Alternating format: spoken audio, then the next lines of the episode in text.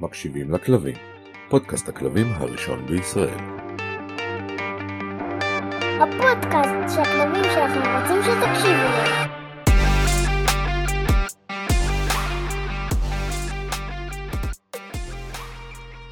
שלום. גם ככה אפשר, אין בעיה, זה לא חייב להיות, אה, אתה יודע, לפי הסדר שאנחנו עושים את זה כל פרק. לחלוט, לחלוטין אפשר לעשות את זה שונה. אז אה, שלום. לחן שניידר, שלום לנועה שפלר, מה שלומכם? מצוין, מה שלומך? של... שלום לכל המקשיבות ומקשיבים, מאזינות ומאזינים, פרק נוסף של מקשיבים לכלבים. אמ, שלומי מצוין, אני משה שרייבמן, ונפתח עם אה, סיפור שמביאה לנו הפעם נועה. סיפור אה, מעניין וקצת מפתיע. אה, ממש מהשבוע, מהיום, איזה מהשבוע? אה, אה, ד- דייג, אני חושבת שהוא היה דייג. בקיצור, הוא נקלע ל- ללב ים, ללב אוקיינוס, עם הכלב שלו, בסירה קטנה כזאת, והוא אה, נתקע בים במשך שלושה חודשים, לבד עם הכלב שלו, והם חיו מלאכול דגים אה, נעים שהם אה, לכדו בים, והמי שתייה היחידים שלהם היו מי גשם, שירדו על הסירה והוא הצליח לאסוף אותם. לפחות היה גשם, לפחות היה גשם. לא יודעת כמה גשם, אבל כנראה שמספיק בשביל לשרוד. הוא כולו נראה, רואים אה, תמונה שלו וסרטון שלו, והוא כולו נראה כזה כמו, אה, איך קוראים לו? בקאסטווי, כולו שיער ארוך וזקן ארוך ורזה כחוש כזה מסכן. התכוונת לתום הנקס, כן? לא הנקס, של כן, כן. הכדור. כן, תום הנקס. ואז אה, בסופו של דבר הצילו אותו אה, דייגים מקסיקנים ליד חופי מקסיקו, ורואים בסרטון שהם שואלים אותו אם הכל בסדר, והוא כזה עושה ככה עם הידיים, מרים ידיים, כאילו אני לא, אני לא עושה כלום, הכל טוב בהוא כזה, ואז הם שואלים אותו, תגיד, יש לך סמים או נשק על הספינה, על הסירה? והוא כזה, לא, לא, אין לי כלום. אז הוא שואל אותו, אתה בטוח? אתה בטוח? אין לך סמים או נשק? נראה לי הדייג הזה מסכן, רק תצילו אותי, אני בלב ים שלושה חודשים, מה אתם רוצים עכשיו?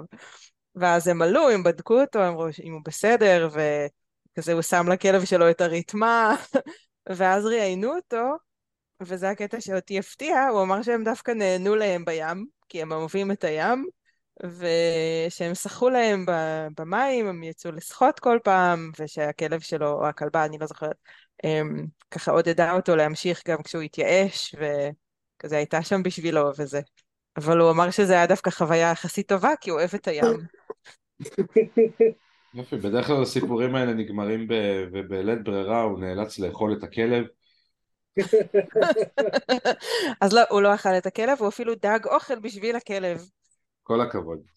ממש. ממש הישג, אני, אני חושב שאפשר להעריך אותו על זה שהוא לא אכל את הכלב. כן, כלב חמוד, נראה מין אה, אוסטרלי כזה. אני אסיים את הסרטון. אגב, זה. בחור אוסטרלי, אם לא אמרנו. הוא הגיע מאוסטרליה למקסיקו. נראה לי לאכול דג חי זה הרבה יותר קל מלאכול כלב חי. כן, פחות כן, אה, כן. פרווה להוריד. אם אני חשבתי שאני הייתי קיצוני במה שאמרתי עם העניין של לאכול את הכלב, אז אה, חן, חן תודה שהעמדת אותי בפרופורציות אחרות, אני מעריך את זה מאוד. ועם האימג' הזה אני חושב שאנחנו נתקדם, לנושא הבא שלנו, שהוא, כן. כולו הולך להיות בפינתנו אה, באנו להרים. ו- Yes. ובנושא הבא שלנו אנחנו בעצם נדבר על משהו שהוא אה, מעורר מחלוקת תמיד שאנחנו, תמיד שמדברים עליו כי, כי הדעות של אה, כולם הן מאוד חלוקות ומאוד נחרצות.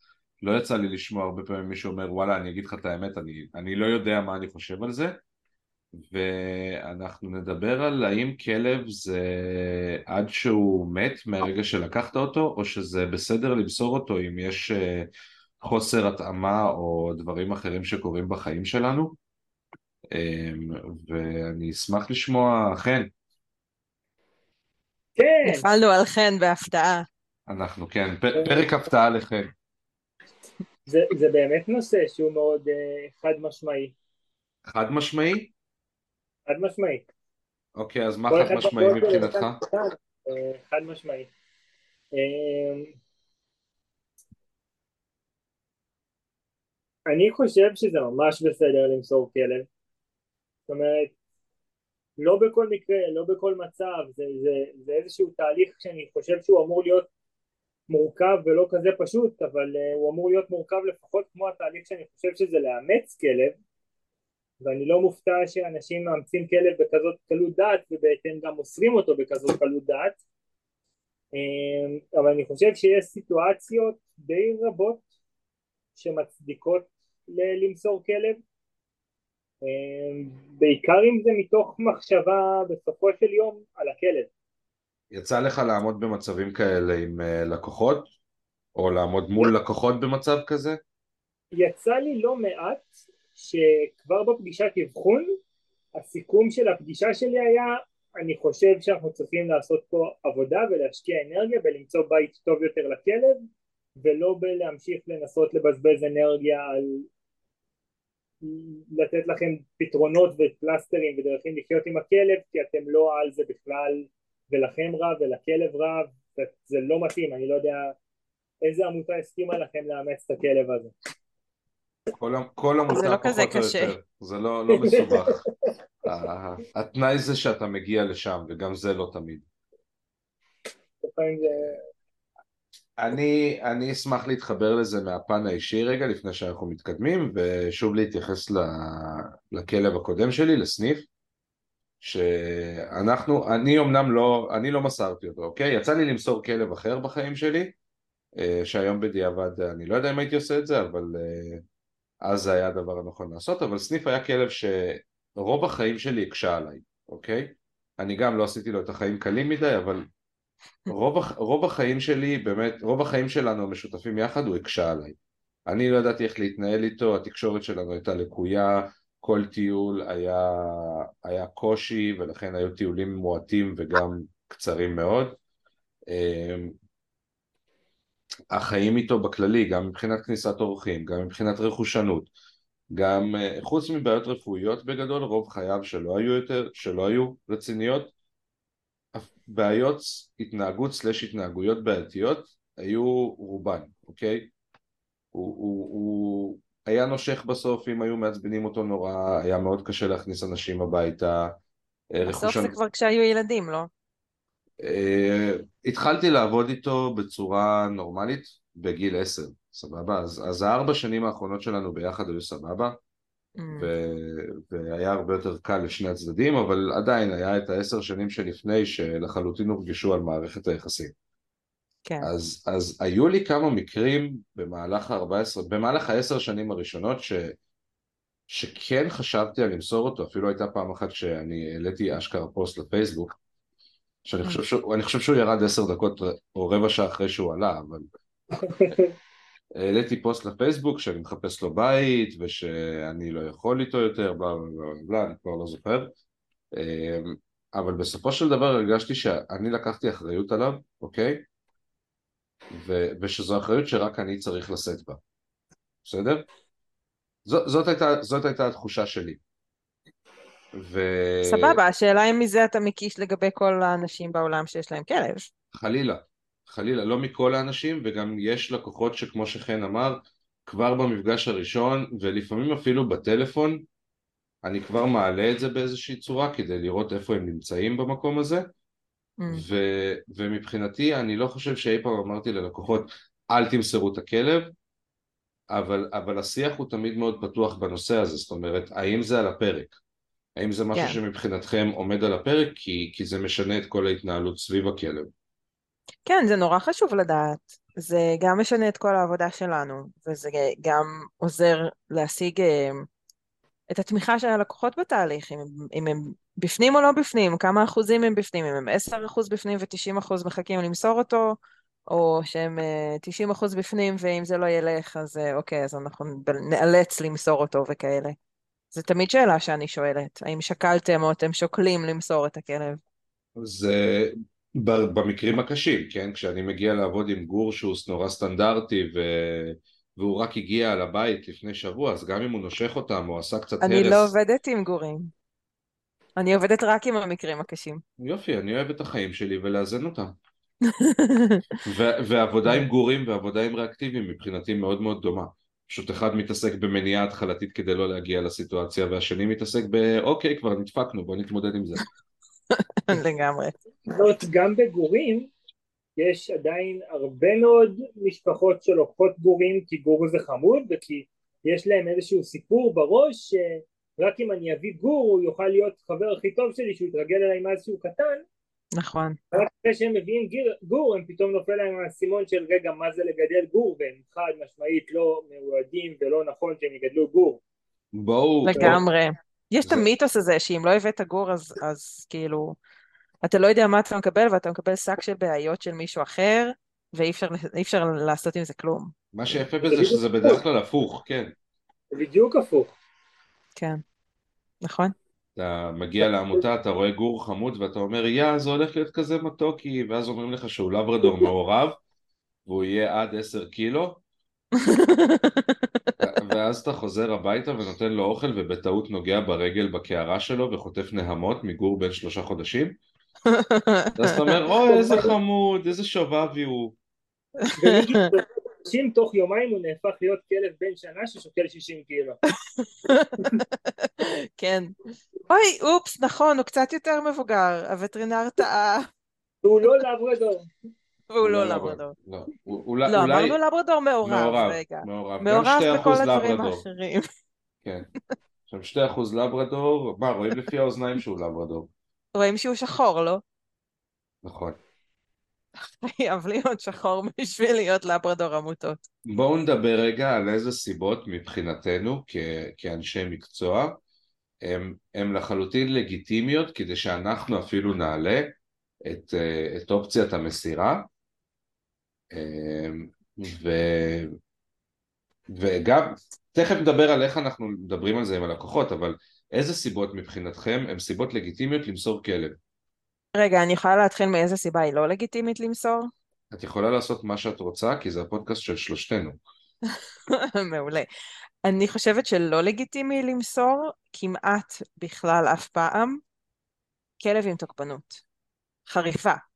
זאת אומרת שה, שהמצב כל כך כל כך חמור שהמשפחה לא יכולה להתמודד איתו, אני חושבת שזה לא אחראי ולא הוגן ולא נכון למסור את הכלב הזה. אני חושבת שהכלב הזה צריך לסיים את חייו בצורה אוהבת ורכה כמה שאפשר, בחיק המשפחה כמה שאפשר, ולא ללכת לעמותה וליפול על משפחה אחרת בתור אה, תיק מסוכן.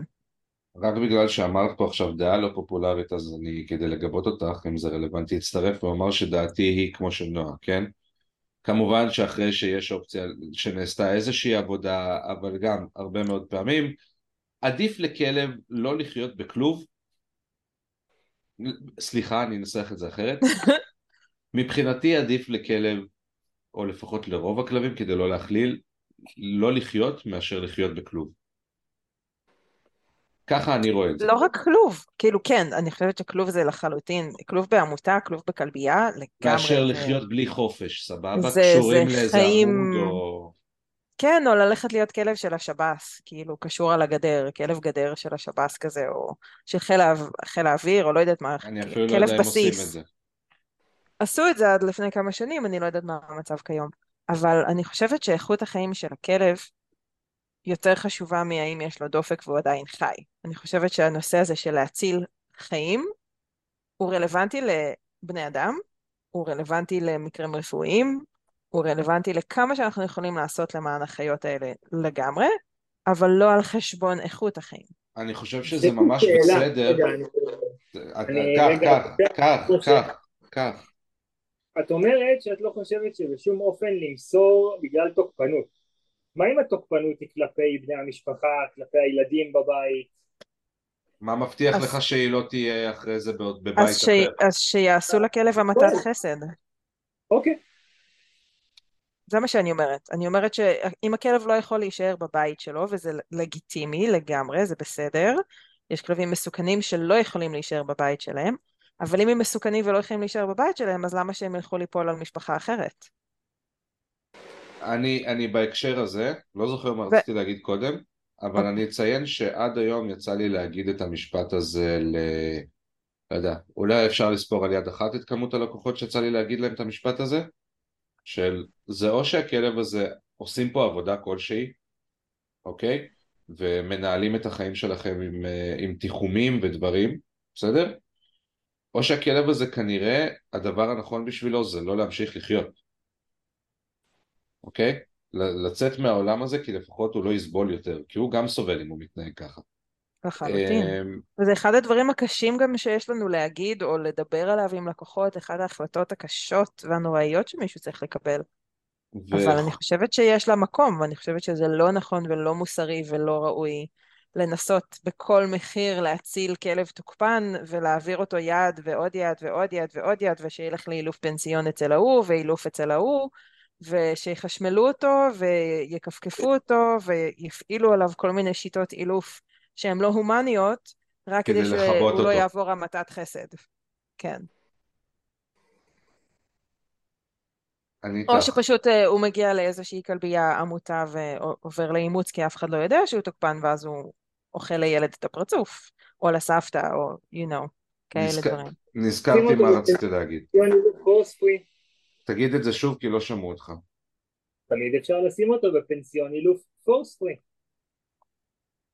אמ, סבבה. אם, אם יש לך כאלה אם שאתה יש רוצה... אופציה וזה יכול לעזור, ויש תקציב, אז כן, אבל איך, אבל איך תמצא כלב, איך תמצא לכלב כזה בית? הבעיה היא התקציב.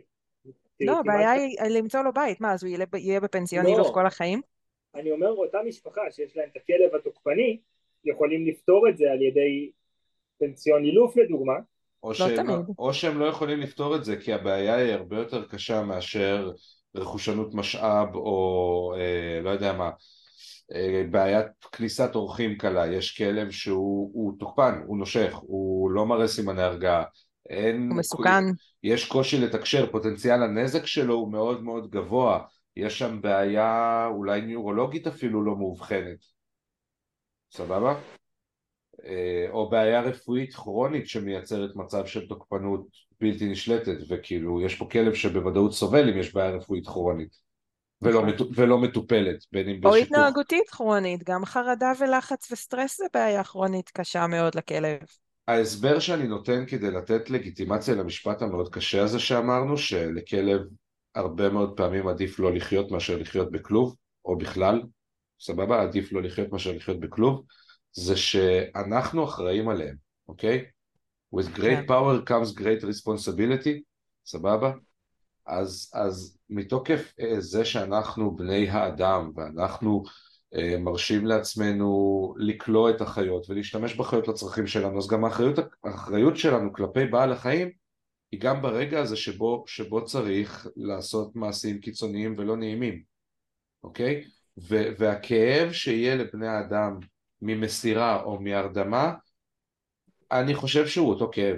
כי בסופו של דבר אתה נפרד מבעל החיים, זה לא ממש משנה לך, לא יודע, אולי לילדים זה משנה לחשוב על זה שהוא רץ באיזה חווה בצפון.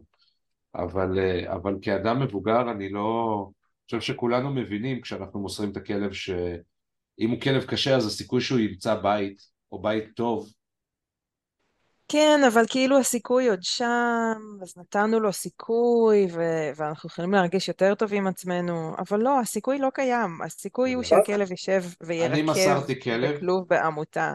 אני מסרתי כלב, אני עמדתי בדמעות בדלפק של צער בעלי חיים, סבבה? אמ, תוך כדי שהיא מוסיפה, החברה החברתית שעמדה שם בדלפק ומוסיפה ומוסיפה על התחושה הרעה שלי וחזרתי הביתה בבכי ו, ומבחינתי עד היום זה משהו שאני עשיתי אותו. טוב, לא כן. טוב, לטובת החיים שלי, לא, זה לא ממש משנה. זה משהו Mhm. שמבחינתי אני עשיתי אותו, בסדר? זו החלטה שאני בחרתי לעשות. אתה רוצה לשתף מה היה שם? אה, היה כלב עם תלות מאוד מאוד קשה בי, אה, בעיה של צרכים בלתי פתורה בבית, שכנראה היום בדיעבד אני יודע, חרדת נטישה? נבעה מקושי בהיפרדות סלש חרדת נטישה, כן. אה, וזה היה במצב שבו זה היה או המשך החיים שלי במערכת היחסים או אני, כאילו והכלב, מהמם. ו- וזה לא משהו ש... זה אומנם הוחלט בסופו של דבר ברגע, אבל זה היה תהליך. כן. אה, וגם עמדתי בבחירה של איזה כלב אני משאיר, כן? אותו Mm. סניף. אז, אז ההחלטה לא הייתה פשוטה, ו, והקושי שהיה לי לצורך העניין להרדים את סניף ולהוציא אותו מ, מהמשפחה שלנו, והקושי שלי למסור את הכלב ההוא, אמ, אני חושב שמבחינת ההרגשה היה מאוד מאוד דומה. למרות שלסניף הפרידה, אתה אומר. הפרידה, בסופו של דבר. כי הפרידה היא אותה פרידה. כן. בסופו של דבר, אני לא כן, והשברון ה... לב אותו שברון לב. האכ- האכזבה וה... וכל הרגשות אשם והכל הכל נמצא שם, גם אם הכלב בן 17 וגוסס לך בידיים גם ככה, זה אותו קשה. אני עומד מאחורי ההחלטה הזאת. אני יודע שלפחות לגבי סניף, אני לקחתי את ההחלטה הזאת בצורה מאוד מאוד פשוטה. אני יודע שהוא לא יסבול. מהמם. אמנם שם הייתה סיבה רפואית כבר בסופו של דבר, אבל אני ידעתי שהוא לא כן. יסבול יותר. כן. אז, אז אני חושבת שזה נכון לדבר על זה גם בהקשר של uh, המתת חסד התנהגותית, um, שהכלב לא יסבול יותר, כי הכלבים האלה בוודאות סובלים. כלב שנמצא ברמה כזאת של קושי לבני האדם שהוא חי איתם, מבחינת תוקפנות ומסוכנות וכל זה, זה כלב שהוא בוודאות החיים שלו לא טובים. היומיום שלו לא טוב. אולי את יודעת לענות לי על השאלה שעלתה לי עכשיו בראש, כל וטרינר יכול לבחור לעשות את זה? כן. לבחור. כן. אוקיי. יכול, חוקית כן. זו הייתה חוקית השאלה. זה סיבה לגיטימית, כן. זו הייתה השאלה, האם יש כן. פה כאלה אבל אני מקווה? שיהיו לא. כאלה שלפחות יבררו האם נעשה, נעשתה עבודה, ינסו לדבר אולי עם איש מקצוע שהמשפחה עבדה איתו אם בכלל, יבררו אם הלכו לאילוף, ניסו דברים, לא רק אה, אוקיי, לא בא לכם יותר, אתם טסים לחו"ל, אז סבבה, בואו. שזה גם קורה, יש וטרינרים גם כאלה בכל מקום. אז, אז כאלה אני מאמין שיש, כאלה שירדימו כלב כי שילמו להם כסף על זה. כן. אני והוא- נתקל ממש מעט כאלה. מה זה? אני נתקל. כאילו, לפחות פה בבאר שבע, רוב מוחלט של הווטרינרים ממש יהפכו עולמות לפני שהם יגיעו למצב של לאשר הרדמה. זה מה שרציתי להגיד, אני חושב שבארץ וטרינרים עם... עם... לא, לא ייקחו על עצמם את ההחלטה הזאת. אלא אם כן יש משהו מובהק רפואי, אני, אני חושב שהווטרינרים לא ייקחו על עצמם את האחריות ואת ההחלטה הזאת. אני מכירה כמה שעבדתי איתם, שידעתי שאם אני צריכה להפנות אליהם משפחה, אז אני אוכל להפנות אליהם משפחה, והיה גם מישהו שהפניתי אליו את המשפחה, ובסוף המשפחה החליטה לא להקשיב בקולי, ואני עדיין מחכה לשמוע על הכלב הזה בחדשות. הוא אחד הכלבים המסוכנים שאי פעם פגשתי. מה, ומשפחה לגמרי? לא... הכניסה את הסבתא לבית חולים פעמיים, כאילו, מביסים? משפחה לגמרי לא אחראית. בביסים, כן, בנש... בנשיכות. אמ, כן, אני לא אציין את הגזע, כי אני לא רוצה אה, לא זה, רלוונטי. אבל אה, גזע דווקא שידוע בחברותיותו.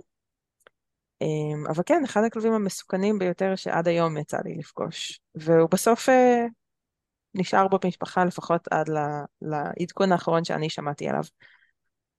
אמ, אבל אם אנחנו חוזרים רגע לנושא המקורי שלנו, אז האם, האם זה בסדר למסור כלב? מה קורה למשל אם אמ, המשפחה הביאה כלב לילדים, הילדים לא מטפלים בכלב כמובן, ההורים לא רצו את הכלב, אף אחד לא מתייחס לכלב, הכלב עושה בלאגן בבית, ואנחנו רוצים עכשיו למסור אותו, להיפטר מהצרה הזאת שהבאנו על עצמנו בטעות.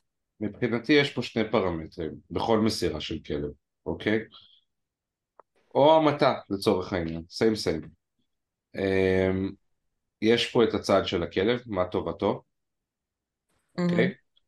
ויש את הצד של האדם סלש המשפחה. אם הרבה מאוד פעמים אצל זוגות לדוגמה אה, כשיש צד נולד אחד, ילד, עזבי, יש צד אחד שקשור יותר לכלב, אוקיי? כן. והכלב מייצר אינטראקציות שליליות בחיים, כי לצד אחר קשה יותר עם הכלב. מהמם. יש המון המון המון מערכות יחסים שנפלו על זה. כן. שצד אחד לא מוכן לסבול את הקושי של לחיות עם הכלב הזה, והצד השני כן מוכן לסבול או לא מוכן לוותר, לא משנה מה, מה העניין. אבל זה- לנו היה את זה עם חתולה.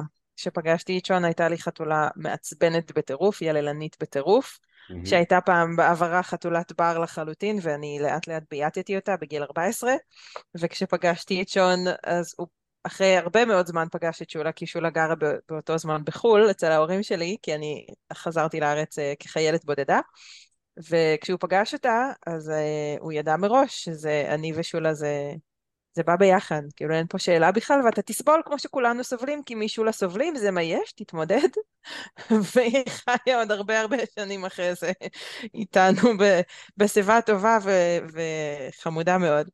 אבל uh, כן, זה היה עסקת חבילה, ולא תמיד זה אפשרי, אבל. נכון, ויש את המקרים האלה באמת, כמו שאמרנו, נולד ילד ויש איזשהו קושי עם הילד והכלב, או שיש קושי ב... בלדאוג לכלב, בסדר? כן. ולתת לכלב את מה שהוא ספציפית ככלב צריך. אבל יש גם המון מקרים שנולד תינוק ועכשיו סתם לאף אחד אין זמן והם לא התארגנו על זה מראש והם לא פתרו לכלב את הבעיות התנהגות הקלות שיש לו מראש. כאילו הם לא השקיעו מראש בזמן, ברגע שהם הבינו שהולך להיות ילד, של אוקיי, אז אולי כדאי שהכלב שלנו יתנהג יותר בצורה אני לא חושב, X. אני לא חושב שלהביא ילד, אוקיי, ואז למסור את הכלב, היא סיבה לגיטימית, חוץ מדבר אחד, אם לכלב ידוע שיש אה, תוקפנות לילדים, סבבה? כן.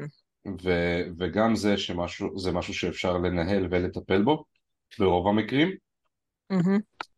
ברוב, ו... תלוי במקרה, תלוי במשפחה ובילדים יש... ובכלב. לי יש ילדים, יש לי כלבים, ואיכשהו הצלחתי לאזן, אז אולי ביום מסוים ספציפית כלבים קיבלו פחות? במשהו אחד? איזשהו משהו נורא מציאות אוטופית. של מה? המציאות, המציאות בשטח אצל רוב האוכלוסייה היא לא מציאות שבאמת מאפשרת למצוא את האיזון בין ילדים אני לא מסכים. אני לא מסכים, רוב הכלבים, הרוב המוחלט של הכלבים לא צריכים מאיתנו כמעט כלום. סבבה? רוב הכלבים לא צריכים מאיתנו כלום. אנחנו לא מדברים עליהם. אנשים שהביאו ילד והכלב שלהם הוא כלב שטיח, כנראה שהם לא האנשים שימסרו את הכלב. לא, לא נכון, אז זהו, זה בדיוק העניין שלא נכון, יש גם את המקרים האלה, אז על זה אני מדבר. אני אומר שבמקרים כאלה, אני לא רואה לגיטימציה, אוקיי? או לצורך העניין זה כלב נבחן והוא מעיר לי את הילד, גם זה לא לגיטימציה. אוקיי? הילד יתרגל והוא יפסיק להתעורר מהנביחות. בקלות, ואז הוא יישן הרבה יותר טוב עם רעשים אחרים. נכון, אבל הסיפור הזה זה סיפור יפה. המציאות היא שכרגע מבחינת התשומת לב של האנשים, מבחינת מה שמעניין אותם זה הילד, הם מייצרים איזשהו אנטי כלפי הכלב, ואחרי תקופה של חודש, חודשיים, שלוש, הם כבר לא כל כך באמפתיה או סימפתיה או ברגשות טובים לכלב, הם שונאים אותו, הוא נטל, הוא... הטיולים איתו זה נטל, הם נהפכים להיות טיולים של דקה במקרה הטוב, כל האינטראקציה מבוססת רק על ענישה, לא במקום של תיקונים, במקום של אוף, די. של תסכול, כן. אני, אני מנחש, זה... אני, אני, לא, אני, אני לא בטוח שבהכרח, עוד פעם, אני, אני חושב שבסופו של דבר השאלה הזאת היא קשה, אבל כמו רוב השאלות שאנחנו שואלים, זה אינדיבידואלי וכל דבר צריך לבחון לגופו. זאת אומרת, צריך לבחון את הכלב אל מול המשפחה, אל מול האנשים, אל מול הסיטואציה, אבל אני אומר, סיטואציה שבה ילד נולד בתוך משפחה, יכולה מאוד מאוד בקלות להגיע למצב שהכלב לא נהפך להיות משהו שבכלל לא רוצים לאהוב אותו, להתייחס אליו, או ששמים אותו במקום שבכלל נותנים לו רבע מהמענים שהוא צריך לקבל כדי להיות כלב בסדר ומהר מאוד הגיוני שהוא יהפוך להיות כלב מאוד לא בסדר, עוד יותר לא נוח, עוד יותר מציק, עוד יותר דורש ועוד יותר הגישה כלפיו תהיה אנטי. אה, אני חושבת שזה נכון אם, אם באמת, אני חושבת שאם למשפחה הזאת יש תמיכה כלשהי, או חינוך אפילו כלשהו, זאת אומרת מדברים על זה ש... מה קורה כשנכנס תינוק למשפחה ואיך אפשר לעשות דברים לחודשיים שלושה הראשונים שהם באמת ממש קשה עם תינוק ראשון ו... וככה לתת להם uh, את התמיכה שהם זקוקים לה, גם אם זה דברים זמניים. קחו את הכלב לסבתא לחודש, קחו את הכלב לפנסיון לחודש, וואטאבר. זה דברים שאפשר להתגבר עליהם. אבל אני חושבת שאתה מתאר מצב נתון ולא נדיר של המשפחה פשוט כבר מתחילה לשנוא את הכלב כי קשה להם איתו. וכי נכנס משהו חדש, שזה התינוק. רגע, משה, אני עוצר אותך כדי להגיב לנוח. תמשיך, תמשיך. חד משמעית אני מסכים איתך שחינוך ומודעות זה הפתרון בגדול לכל הבעיות בעולם.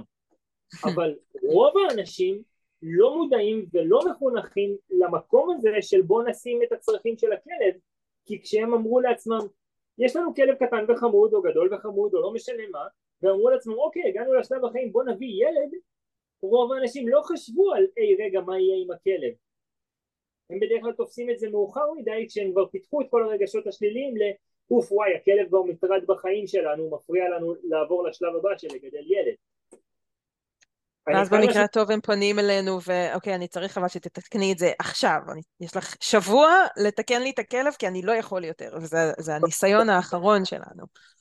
נכון, במקרה הטוב הם באמת מגיעים לשלב הזה של לפנות לעזרה, כן. אבל גם זה, זה משהו שיכול לקרות רק מתוך מודעות וערנות לזה שזאת אופציה. זאת אומרת, מהמם. בן אדם שלא חושב בכלל על זה שקיים אופציה לאם קשה לי עם הכלב, יש מי שיכול לעזור לי, לעולם לא יפנה לעזרה, הוא פשוט ישר ימצא פתרון שיחבל לו את התסכול, ישים פלסטר על הכאב. ועוד פעם, השאלה זה מה אנחנו תופסים בתור לגיטימי או לא לגיטימי, אז זה נכנס פה למקומות מאוד מורכבים. זאת אומרת, כי, כי ברור שאני לא חושב שזה נכון, וזה לא פייר, וזה לא הוגן כלפי הכלב, אבל אני מסתכל על, בצורה, משתדל, בצורה אובייקטיבית, כאילו על הבן אדם הזה מהצד, על אותו בן אדם שכרגע רוצה להתקדם בחיים שלו לתוך מיסוד של קשר זוגי כזה או אחר, ושל להביא ילדים, ו... ופתאום הוא מתעורר בבוקר וקולט שהכלב מפריע לו. וזה. או שהוא כבר בתוך זה, ו- ויש שם תסכול מאוד מאוד גדול וקושי מאוד גדול. אני חושבת שאנחנו צריכים להיות באמפתיה מאוד גדולה, לא רק לכלבים, אלא גם לבני אדם שפנו אלינו ושצריכים את העזרה שלנו. ואני חושבת שאולי כאן הרבה מאלפי כלבים אה, קצת מתקשים, כי באנו לתחום הזה בשביל הכלבים, וגילינו שאנחנו בעצם נדפקנו ואנחנו צריכים לעבוד עם אנשים, אם לא באנו מראש בתור אוהבי אדם ורוצים לעזור לבני אדם. רובנו לא. אמ, אני. רובנו לא, אני כן רובנו לא. למשל, אבל רובנו לא. אני אציין פה קשה. בנקודה שזה היה תהליך מגניב כי בעצם אה, נועה את, את, את, את פתחת לי את הדלת לאהוב בני אדם? כן, עד לפני שפגשתי אותך באופן נחרץ לא הייתי עושה אילופים כי לא היה, לא היה לי שום רצון מוטיבציה חשק לחנך בני אדם. ואת פתחת לי. דלת שמראה לי של שמע כן אתה טוב בזה. זה יעשה טוב לאנשים להקשיב לך, לך תן להם אותך. ו... והנה היום אני במקום שאני שם את בני האדם ואת הפוקוס עליהם לא פחות מאת הפוקוס על הכלב. אז אה, זאת הזדמנות אה, טובה להגיד לך תודה. איזה תודה כיף. וואי, זה ממש מרגש לשמוע את זה. כל הכבוד, נועה. Thank you. אה, תכלס, התחום שלנו ברובו, נכון, זה ייעוץ התנהגותי לבעלי, בעלי חיים, אה, אבל אם נשים את זה קצת באיזשהו מושג כזה אולי אמורפי, אנחנו, אנחנו משנים איכות חיים לאנשים, אוקיי? או שאנחנו עוזרים לאנשים לשנות את האיכות חיים שלהם. זה משפט קצת קואוצ'רי, אבל תכלס אנחנו מגיעים כשיש קושי מסוים. זה יכול להיות כן. קושי גדול או קושי קטן, ואנחנו מנסים למצוא את הדרך או את דרכי הפתרון לקשיים של האנשים האלה. בין אם זה מגיע מהצד של לעבוד עם הכלב, בין אם זה מגיע בלשנות הרגלים אצל האנשים. או לשנות רגש אצל האנשים. או לשנות רגש אצל האנשים, סבבה. הרבה פעמים point. אני מגיעה למשפחה, והדבר הראשון שאני צריכה לעשות שם זה לפתח אצלם מחדש את האמפתיה אל הכלב שהם איבדו מרוב תסכול וקושי עם הכלב. וכבר נמאס להם עם הכלב, ואני צריכה למצוא את הדרך, אם אני יכולה, רגע לחבר אותם בחזרה אל הכלב, ושהם יחבבו אותו שוב, ושהם יראו שגם הוא בעצם סובל, וגם הוא בעצם מסכן, וגם הוא צריך אותם פה. ואז מתוך זה, הרבה פעמים הם באמת, יש להם עוד שנייה סבלנות, ועוד רגע יכולת לה- להשקיע בכלב. הם, הם ממלאים רגע את המיכל שלהם, כדי שהם יוכלו משם לתת רגע משהו לכלב, ולעשות את התהליך הזה, כדי שבאמת בסוף יהיה טוב לכולם, ולא רק uh, להיפטר מהכלב. אבל אני חושבת שבלי האמפתיה הזאת לבני האדם, אנחנו בחיים לא נצליח במ- במקומות שקשה לאנשים של הכלב איתו. אני אוהב שתיקות מביכות, זה מצוין. אני חושב שאתה אמרת משהו ממש גאוני ואני הייתי חייב לעצור כדי לכתוב אותו אז אני כותב אותו לעצמי כי אחרת אני אשכח את זה למרות שזה אני? אני אמרתי כן. משהו גאוני? מה הוא אמר? מה אמרתי שזה גאוני? אנחנו פה כדי לשפר לאנשים את איכות החיים. אה, תודה. בבקשה, כאילו. יופי, זה- אז בנימה, בנימה אופטימית ומצוינת זאת, אנחנו נסגור את הנושא. וואו, מזל שהגענו לדעה נחרצת. אה, ושאני מקווה שאם אתם נמצאים בסיטואציה לא פשוטה כזו, אז עזרנו לכם להחליט. סתם. אה, כן, אנחנו נסגור את הנושא הזה, ואנחנו נגיד שכן, יש לגיטימציה למסור כלבים, ואפילו הרבה יותר ממה שאנשים אה, אחרים נותנים וחושבים, לפחות מבחינתנו. כי, כי כל עוד הצעד האנושי סובל, אז הצעד הכלבי בוודאות סובל. סבבה? כשאנחנו. סובלים... ו- וגם הפוך. ו- רק- וזה- רק בואו נוודא שאנחנו באמת מוסרים את הכלב לבית טוב, שידאג לו, שמבין את הבעיות שלו, שמבין את הצרכים שלו. אם אפשר לא לזרוק אותו לכלוב בעמותה או לרחוב, כמובן, זה לא חוקי גם. אה, חוק הנטישה כן, יש זה. מצלמות גם בכל עמותה כבר, אז אה, אין איפה כן. לקשור יותר. אה, באמת, כמו שנועה אמרה, למצוא את הבית המתאים לכלב, סבלתם אותו עכשיו כבר שנה, שנתיים, תסבלו עוד חודש, חודשיים, בשביל למצוא את המקום הבאמת יותר... או שימו הכי- אותו בפנסיון רגע, ומשם תמצאו לו גם בית. אין בעיה, באמת לשים בפנסיון, כן זה יעלה כסף, אבל לפחות זה, זה כבר ישפר לכם את איכות החיים, והרבה פעמים אחרי ששמים את הכלב בפנסיון שבוע, מבינים ש, שדווקא מאוד מתגעגעים אליו ואוהבים אותו, ו, וכן רוצים, ופתאום זה נותן כוחות לעבודה, אז אה, אל תוותרו מהר, אבל אם אתם אה, מחליטים למצוא לו בית אחר, אז פשוט תחפשו אחד טוב.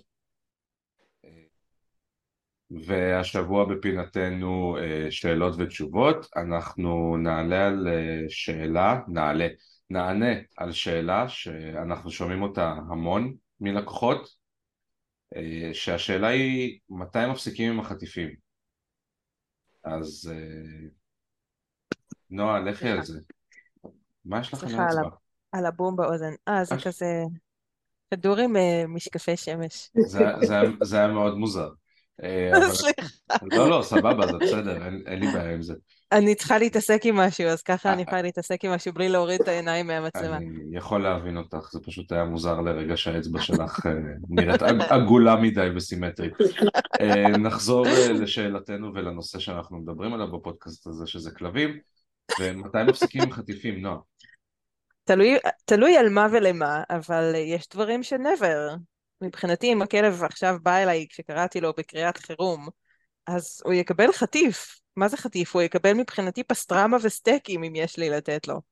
אני, זה, יש דברים שאני רוצה לחזק אותם באופן אה, ודאי עבור הכלב. שהכלב לא יצטרך לחשוב, כדאי לי, לא כדאי לי, יהיה חיזוק, לא יהיה חיזוק. ואם אוכל זה מה שעושה את זה לכלב הזה, אז בוודאות שיקבל אוכל מבחינתי עד שהוא ימות בשיבה טובה. סבבה, תשובה טובה. אני אומר שזה משתנה מכלב לכלב ומבעלים לבעלים, אוקיי? ובעיקר, בעיקר, בעיקר תלוי בתדירות וב... ובכמה חזרות עושים עם הכלב על כל פעולה, אוקיי? בין אם זה על שב, ארצה, יישאר, אוקיי? שזה דברים מאוד מאוד פשוטים יחסית, שעם רוב הכלבים כשמלמדים את זה אפשר להפסיק עם חטיפים די מהר, אוקיי? אה, כי החזרות על זה הן מאוד מאוד קצרות, נורא קל לנו לקבל תוצאות מהכלב, הכלב לומד את זה נורא נורא בקלות, הוא די פסיבי בסיפור הזה, ואחרי בדרך כלל שבוע שאנחנו מתרגלים את זה איתו, אה, אם אנחנו מתרגלים נכון, אפשר להפסיק חטיפים עם הדברים האלה. עדיין אני ממליץ לחזק, אבל עם רוב הכלבים, לפחות מהניסיון שלי, אם עובדים על הדברים הפשוטים האלה, זה נגמר די מהר, אבל כשאנחנו מדברים על כלבים ריאקטיביים, ושרוב בני האדם אה, מתעסקים בעיקר בניהול של כלב ריאקטיבי, אוקיי? ותוך Mhm. כדי זה יש איזשהו שינוי רגשי והתנהגות חלופית שמתקבעת, אה, אם עובדים נכון, אבל רוב הזמן מתעסקים ניהול בניהול- תמיד יהיה שם. בניהול של הכלב, לא, לא תמיד, יש כלבים מסוימים שאתה מגיע איתם למצבים שוואלה שכחת חטיפים בטיול והוא עדיין יהיה איתך בפוקוס אם עבדת איתו וה, והריאקטיביות היא לא, היא לא מאוד גבוהה, אוקיי? למרות שגם אבל לא בטיול הבא. גבוהה. בטיול הבא יכול יהיה להיות- יותר קשה. בדיוק, אבל יכול מאוד להיות שבטיול הבא יהיה כבר יותר קשה כי הוא לא יקבל את החטיפים בטיול הזה. כן. אמ, אז, אז זה מאוד אינדיבידואלי, אבל אני אומר לרוב האנשים, תקשיבו זה נשמע לכם מעצבן לקחת פאוץ' אבל אתם תחשבו רגע להסתובב עם כלב שמושך אתכם ברחוב ומתפרץ על כלבים אחרים זה הרבה יותר קשה אז, אז גם אם אתם הולכים להיתקע במרכאות, אני עשיתי מרכאות ואמרתי גם, אמ, להיתקע עם השימוש בחטיפים, לא יודע לאיזה פלטפורמה אני פונה, לוידאו או לאודיו. אה, גם אם אתם נתקעים כביכול עם שימוש בחטיפים לאורך כל החיים שלכם, אז מה שאני כן יכול להגיד לכם זה שהתדירות תרד. סבבה? אם תעבדו נכון, תדירות השימוש בחטיפים תרד. אמ, אני חושבת שצריך להגיד פה שני דברים חשובים. אחד, החטיפים זה המשכורת של הכלב. אנחנו מצפים ממנו לעבוד, זאת אומרת, לעשות דברים שהוא לא היה עושה באופן טבעי כי הוא לא בא לו, כי זה לא מה שהוא בוחר כרגע לעשות. נגיד אם קרמה עכשיו ניגשה אליי ורוצה ליטופים, וואלה, על זה אני לא צריכה לחזק אותה כדי שהיא תעשה את זה שוב. בחיים שלה רק תן לה ליטופים, רק תן לה לבוא להתמרח על, על איזה מישהו שילטפו אותה, היא תבחר לעשות את זה כל דקה מהחיים שלה, אם היא לא הייתה צריכה גם לאכול ולעשות פיפי מדי פעם.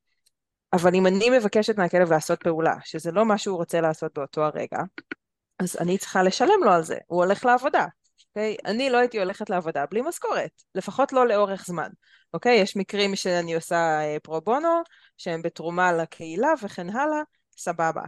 אבל לא הייתי הולכת לעבודה בחינם לנצח, וגם הכלב לא. אז אם אנחנו מפסיקים לשלם לו, וזה מבחינתו התגמול, מפסיקים לתת לו חטיפים, וזה מבחינתו הדבר שהופך את העבודה הזאת לשווה, אז הכלב יפסיק לעבוד.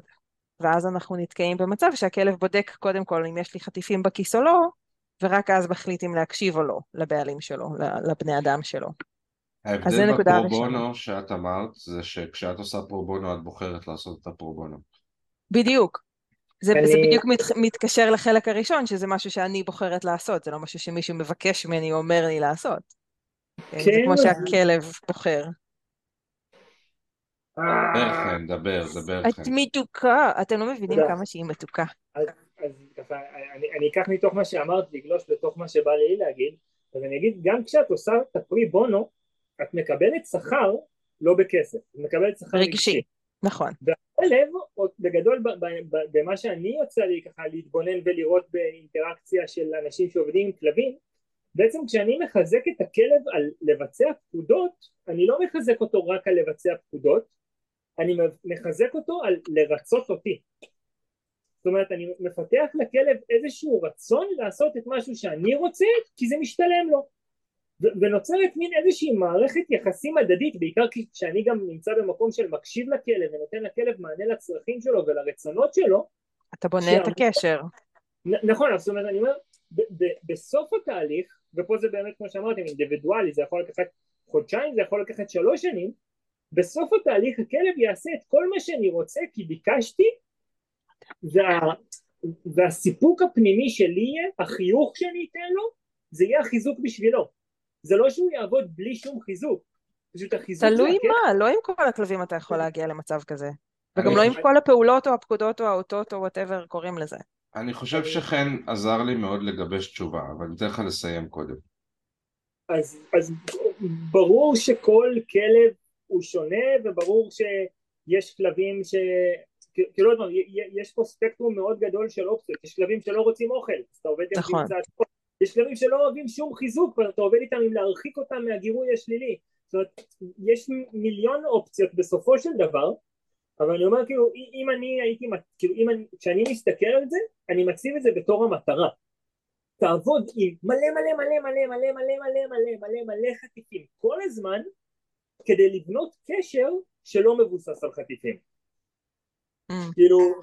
בדיוק, זה בדיוק מה שרציתי להגיד, ש, שאני חושב שהתשובה המוחצת לשאלה הזאתי, ואני מקווה שאני אזכור אותה פעם הבאה שישאלו אותי את זה, זה שברגע שנוצרת, שנוצרת מערכת יחסים תקינה, והדבר הכי חשוב במערכת יחסים זה אמון, אז כשאתה מרגיש בתור האדם שיש לך אמון מלא בכלב, ושלכלב יש אמון בך, זה השלב שבו אתה יכול להפסיק עם חטיפים. להפחית, אתה לא ישר מתחיל מללכת... אם אתה, אם יש לך אמון מלא בכלב ובכלב יש אמון מלא בך, סבבה? מה שלהגיע אליו זה כאילו קשה עד כמעט בלתי אפשרי עם רוב הכלבים לפחות בישראל, כי הם פשוט לא נותנים כל כך בקלות אמון. אז, אז בשלב הזה שאתם מרגישים שאתם יכולים לסמוך על הכלב שלכם, שזה אומר שהוא לא ירדוף אחרי שום דבר ושהוא יקרא לכם, שאתם תקראו לו והוא יבוא, או לה, ושהוא לא יריב עם אף אחד ולא ייכנס מתחת לגלגלים של אוטו ולא יחצה את הכביש לבד ולא ירדוף אחרי חתול וכו' וכו' וכו' וכו' וכו' וכו' וכו' וכו' זה השלב שבו אתם יכולים להפסיק. כל עוד אחד החששות האלה קיימים, תמשיכו עם החטיפים. ועם הרצועה. אני רוצה מן הסתם. אבל רגע, לפני שאנחנו איזה חנצ'וק, אמ, אני רק רוצה לתת כאן איזשהו טיפ, ש, שככה עלה בין הדברים ו, ואולי אני רגע אדגיש אותו. אמ, א', זה, זה שני חלקים לטיפ הזה. א', כמה שיותר אנחנו ניתן לכלב חיזוקים שהם משמעותיים עבורו, כמה שיותר ביום, ביממה, ניתן לכלב חיזוקים על דברים שאנחנו רוצים שהוא יעשה, ככה נתקדם יותר מהר והכלב יעשה אותם יותר בקלות, יותר בשמחה, יותר פעמים ביום, וכן הלאה. זאת אומרת, אנחנו נראה תוצאות הרבה הרבה יותר מהר אם אנחנו לרגע נתחתן עם הפאוץ' הזה והוא יהיה עלינו כל הזמן, או נקום בבוקר ונמלא את הכיסים בחטיפים ונתחזק את המילוי הזה כל היום, ונדאג שבכל חדר בבית יש צנצנת חטיפים, ושבאוטו או ליד הדלת כניסה יש צנצנת חטיפים, שהחטיפים יהיו נגישים וזמינים וישתמשו בהם כל היום. זה דבר ראשון. דבר שני, היה לפחות באילוף המסורתי היה את הקטע הזה, זה משהו שאני גדלתי עליו ככה במקצוע, של להשתמש בדבר הכי משעמם שהכלב מוכן לעבוד עבורו. תנו לכלב ביסקוויטים או אוכל יבש, כן. אם הוא מוכן לעבוד בשביל אוכל יבש, אל תיתנו לו חטיפים מיוחדים אם הוא לא צריך אותם במרכאות. זה בא ביחד אבל עם להרעיב את הכלב, נועה. נכון. זה, זה, זה מה זה הפוך? זה כל כך הפוך. אני אומרת ההפך, תשקיעו רגע בחטיפים, תקנו עכשיו חודש חזה עוף וחזה הודו ובשר טחון ומה שאתם רק יכולים ותבשלו לכלב או טונה או לא משנה מה. תבדקו עם הכלב, תיקחו אופציות, כל יום תחליפו ותבדקו בשביל מה הכלב עובד כמו מטורף, תמצאו איזה כן, שלושה זה... ארבעה דברים שהכלב עובד בשבילם כמו מטורף ופתאום נהיה רובוט לידכם אוקיי? זה, ולא מוריד מכם את העיניים. ותעבדו עם זה בהתחלה. ועם זה תחזקו אותו על כל הדברים, לפחות בחודש הראשון, ואז כבר לא יהיה צריך לתת יותר מדי חיזוקים, כי מבחינתו הפעולה הזאת שווה סטייקים, והיא לא שווה ביסקוויט עבש ויבש ומשעמם. אז זה הטיפ שלי לעכשיו. כן, חנצ'וק, מה רצית לומר? לא זוכר. כן. אחרי הנאום שלי הרסתי לו לגמרי. נהפוך הוא, את... אני חושב שסיכמת את, ה, סיכמת את הדברים ואני חושב שתכלס באופן מפתיע לא חשבתי שנצליח אבל ענינו על השאלה. אה, לא באמת, אני, זו שאלה שלא הצלחתי לענות עליה בצורה מסודרת עד היום כמו שהגענו לזה פה.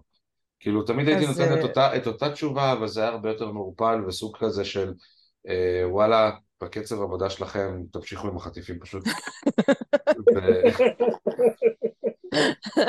כאילו, וכל מיני כאלה, אני יוצא עם הכלבה שלי עם חטיפים ווואלה כמעט אין צורך. ונותן הסברים כאילו. והצדקות בעיקר, פחות הסברים. נותן כן. הצדקות. לטייל עם חטיפים. כן. אמ, ו... אה, עוד דבר אחרון אם כבר אנחנו אה, בהצדקות. אני חושבת שרוב האנשים מעדיפים לצאת עם חטיפים מאשר עם קולר חנק או דוקרנים. אז באופן מפתיע, אני לא יודע אם אני מסכים איתך לגבי זה, אני חושב שרוב האנשים היו מעדיפים, הם פשוט לא מודעים לזה, ו- ו- כן. ויש כל כך הרבה לגיטימציה לטייל עם חנק, ו- וזה מדכא את ההתנהגות של הכלב הרבה פעמים, נכון. אז נראה שזה עובד, אז, אז בס... מה זה נראה שזה עובד? נקודתית זה עובד, אין פה שאלה. אבל בוא. רוב האנשים, אם אתה רגע עוצר אותם וגורם להם לחשוב ושואל אותם, דוגרי, תגיד, אתה מעדיף להעניש את הכלב או ללטף את הכלב? מה אתה מעדיף? הם יעדיפו ללטף את הכלב, כי הם לא סוציופטים, רוב האנשים שאנחנו עובדים איתם לפחות. אני עוד לא פגשתי כזה. חוץ מזה שביולוגית אנחנו מאובחנים כאדם חושב, רוב האנשים אתה בא אליהם ואתה גורם להם לחשוב, הם ישר עוברים צעד ואומרים בום, כן בטח, ברור, אתה צודק. אני ש... אני, אתה שינית לי את כל מה שחשבתי כל החיים שלי ואני לא מתנגד לזה בכלל. זה עובד, מה זה, קליל. קליל. כמו המוח האנושי. כן, אה, אבל זה עובד, זה כן עובד. אני, אני, אני חושב שזה לא כזה פשוט, כי בסופו של דבר לתקן ולגרום לכלב להפסיק נקודתית לעשות את מה שהוא עושה שגורם לך להרגיש לא נעים זה הרבה יותר אינסטינקטיבי ופשוט מאשר ממש לצאת מהאזור הנוחות שלך וללמוד שפה חדשה ותזמונים חדשים וניהול נכון של איך ומתי ללטף ולתת חטיף כדי לקבל איזשהו אפקט של חוויה של הצלחתי. אבל גם לא עם. הכי- גם עם התיקונים זה לא עובד, ועדיין יש לך תסכול, ועדיין אתה צריך עוד פעם בפעם ה-20 למשוך את הכלב בעשר דקות האחרונות כי אבל הוא עם ראה חתול. התיקונים יש לך דרך אבל- להוציא את התסכול שלך. כן, זה אבל- פורק תסכול, זה נכון. זה, זה פרויקט תסכול, והתוצאה שמגיעה אחרי שנייה היא חיזוק. כי אתה מרגיש... חיזוק הצלחתי. שלילי, כן. ואז אחרי שנייה עוד פעם, עוד פעם זה תסכול, עוד פעם אתה פורק את התסכול, ועוד פעם הצלחתי. ואז אתה מלטף כלב, וזהו. לא, כן. זה, זה מרגיש הצלחתי, אבל כולנו יודעים שזה בדרך כלל לא הצלחתי.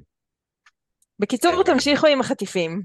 כן, תמשיכו עם החטיפים, מה יקרה? אז הכלב שלכם ייהנה כשהוא בחוץ. מה קרה? גם אני יוצא עם הילדים לגן שעשועים, אני לוקח בימבי, במבה וביסלי, בימ, בימבי, בימבי ובסלה.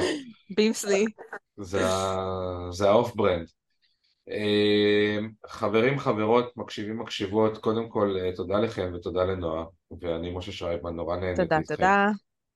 ותמשיכו לשלוח לנו שאלות למה קורה כלב, שטרודל, כרוכית, ג'ימייל נקודה קום, אה, סמנו לנו ביוטיוב, לא יודע איפה הפעמון, פה, פה, איפה שהפעמון לא יהיה, תעשו לנו עוקב, דרגו אותנו באפליקציות הפודקאסט הנבחרות, בספוטיפיי, באפל פודקאסט ו whatever, אה, נשתמע בפרק הבא, יאללה ביי. ביי.